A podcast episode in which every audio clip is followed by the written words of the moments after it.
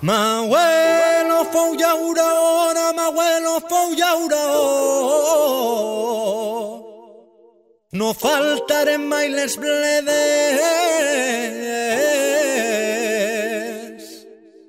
I ara que ja sóc padrí, que vull ser llauró. I asfalt damunt d'eixes terres.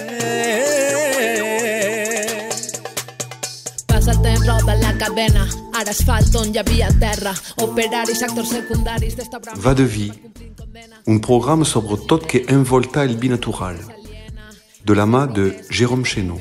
A tots es donen faena i jo tenia el meu camp. Ja no treballa la terra, ens venen prosperitat, prometen ser... Bon dia, bona vesprada a Va de Vie, una crònica dedicada al binatural. Sembla que vam marxar un poquet ràpid amb l'últim capítol sobre el giro i voldria tornar a definir què és un bi i sobretot com es fa. Hi ha gent que diu que el vi natural no existeix perquè no es fa naturalment. D'acord? Però la fermentació del sucre per a produir un alcohol sí que és un procés natural. Als Pirineus vaig veure vaques esperar uns dies abans de menjar les pomes caigudes de l'arbre. No cal comentar per què no som els únics mamífers a gaudir d'una fermentació alcohòlica. Doncs, un vi és un raïm fermentat per microorganismes que són una categoria de levadures diem llevats. N'hi ha us convide a, a mirar Wikipedia, que és un tresor de eh, científic sobre tot la química dels llevats. Els llevats que ens interessa Saccharomyces cerevisiae. He de llegir-lo, eh? jo no me recordé mai d'aquest nom latí. Noteu que donarà la paraula cervesa. És que és la mateixa família de llevats per a fer el pa o cervesa, llevats alimentàries. Els llevats són vida, la vida del camp, la vida de ta vinya, les flors, el caca dels bitxos, dels pardals, la vida. Entens que si fem un tractament sistèmic i sistemàtic de la vinya, redueixem a quasi zero la vida i donc la quantitat de llevats. Parlem de llevats autòctones, al contrari de llevats forasteres, químiques, per arrencar una fermentació quasi impossible naturalment. Fermentació natural amb llevats natural per a fer un vi natural. Tornarem sovint a parlar de la vinya, perquè és la clau a molt de nivells de la viticultura. La viticultura que és l'agricultura que contamina el més, cal tornar a una manera més sostenible de produir raïm. Coïm el raïm, que és la verema, a mà, per favor, dins caixetes, menudes, netes, perquè l'higiene també és un, una clau de, per triomfar a un vi natural, i no molestar el gotims, portar sencer, de bon matí a la frescor al celler. I fem una acció que és desrapar, és a dir, tirem les rapes, la tija de fusta que porta els grans Bon, hi ha vinyaters que els agrada guardar-les. És una qüestió de preferència. Dona un sabor a vegades que un poquet especial. Hi ha moltes opcions abans que la fermentació arrenca. Els llevats són situats sobre la pell del gra. El sucre és dins, dins la pulpa. Si volem que la fermentació arrenca, hem de xafar el raïm.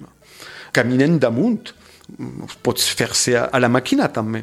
Uh, el nom d'aquesta pasta és el most. Ah, una altra cosa.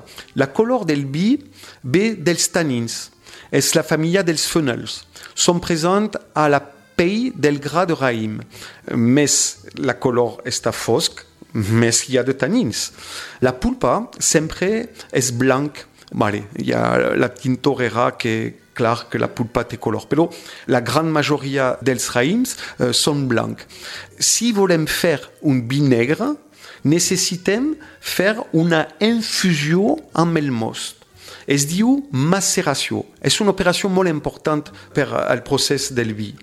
Més maceració, més color al vi, és simple. Un vi blanc cap maceració. O tu vols fer un vi brisat, un vi taronja, que torna molt de moda amb el vi natural. Per a un rosat, poca maceració.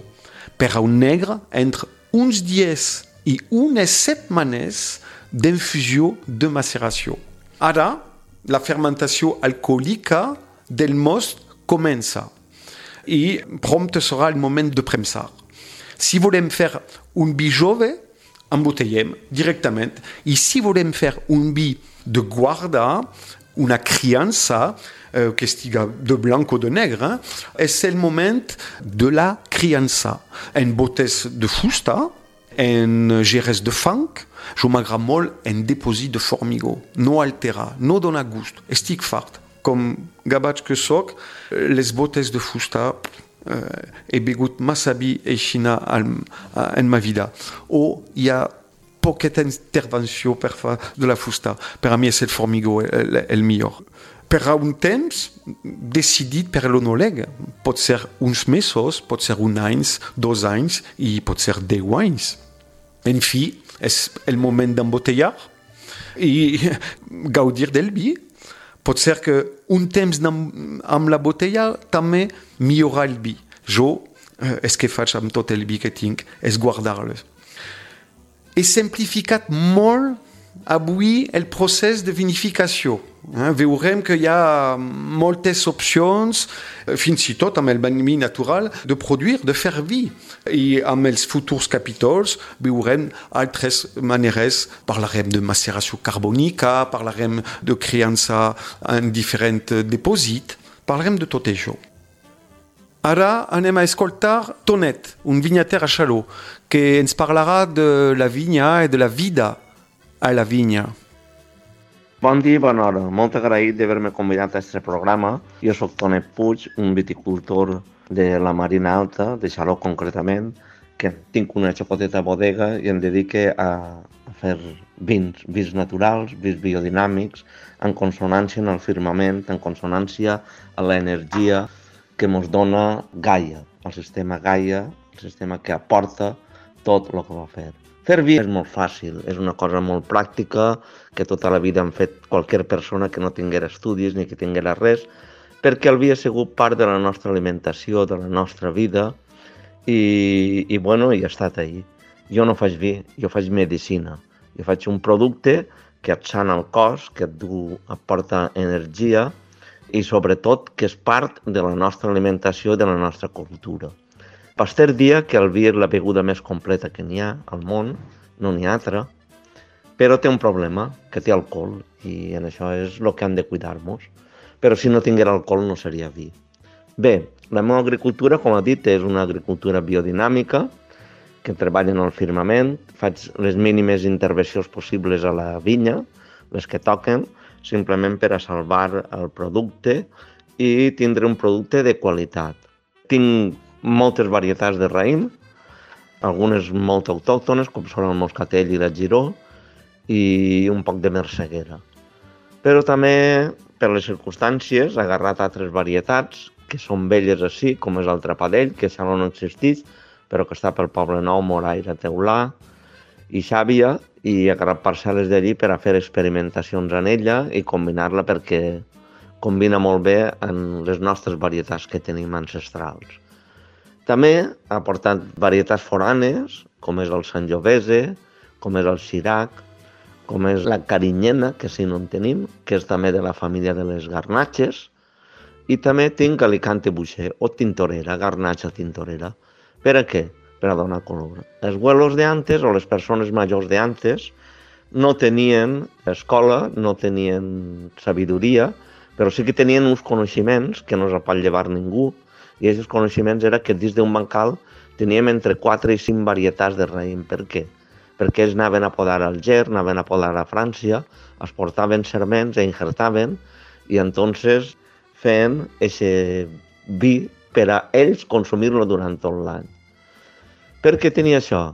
És molt fàcil. Si nosaltres agarrem arròs bullit està boníssim, però si a aquest arròs bullit li posem bajoquetes, li posem carn, li posem tomaqueta, li posem oli, li posem safrà, i damunt ho alinyem bé, en una bona sal, un producte exquisit, però el mateix feien aquestes persones en el vi. I el vi és, serà assegut essència i vida, perquè la vida està composta de la paraula vid, que és cep, i ha d'alegria, harmonia i amistat, i sobretot, i sobretot, d'aquesta terra bona que tenim i aquests sentiments que apreciem i que ens fan ser i estar a cada moment. És vida, vid, vida. Moltes gràcies a tots. Avui, eh, de veritat, hem simplificat molt el procés de vinificació, però volia que coneixeu totes les paraules que faran servir com la maceració, la fermentació, els llevats i els tanins per a poder entendre tot que parlarem als futurs capítols. Veurem que hi ha moltes maneres diferents de crear vins, fins i tot amb el vi natural, més encara amb el vi industrial, filtració, microoxigenació, addició de llevats químiques, sulfits, etc., etc. Però també hi ha coses més naturals, com, eh, no sé, el vel flor, el vi ranci, com fem el vi dolç, naturalment dolç, eh? però crec que és prou per avui. Allez, salut TV, sempre.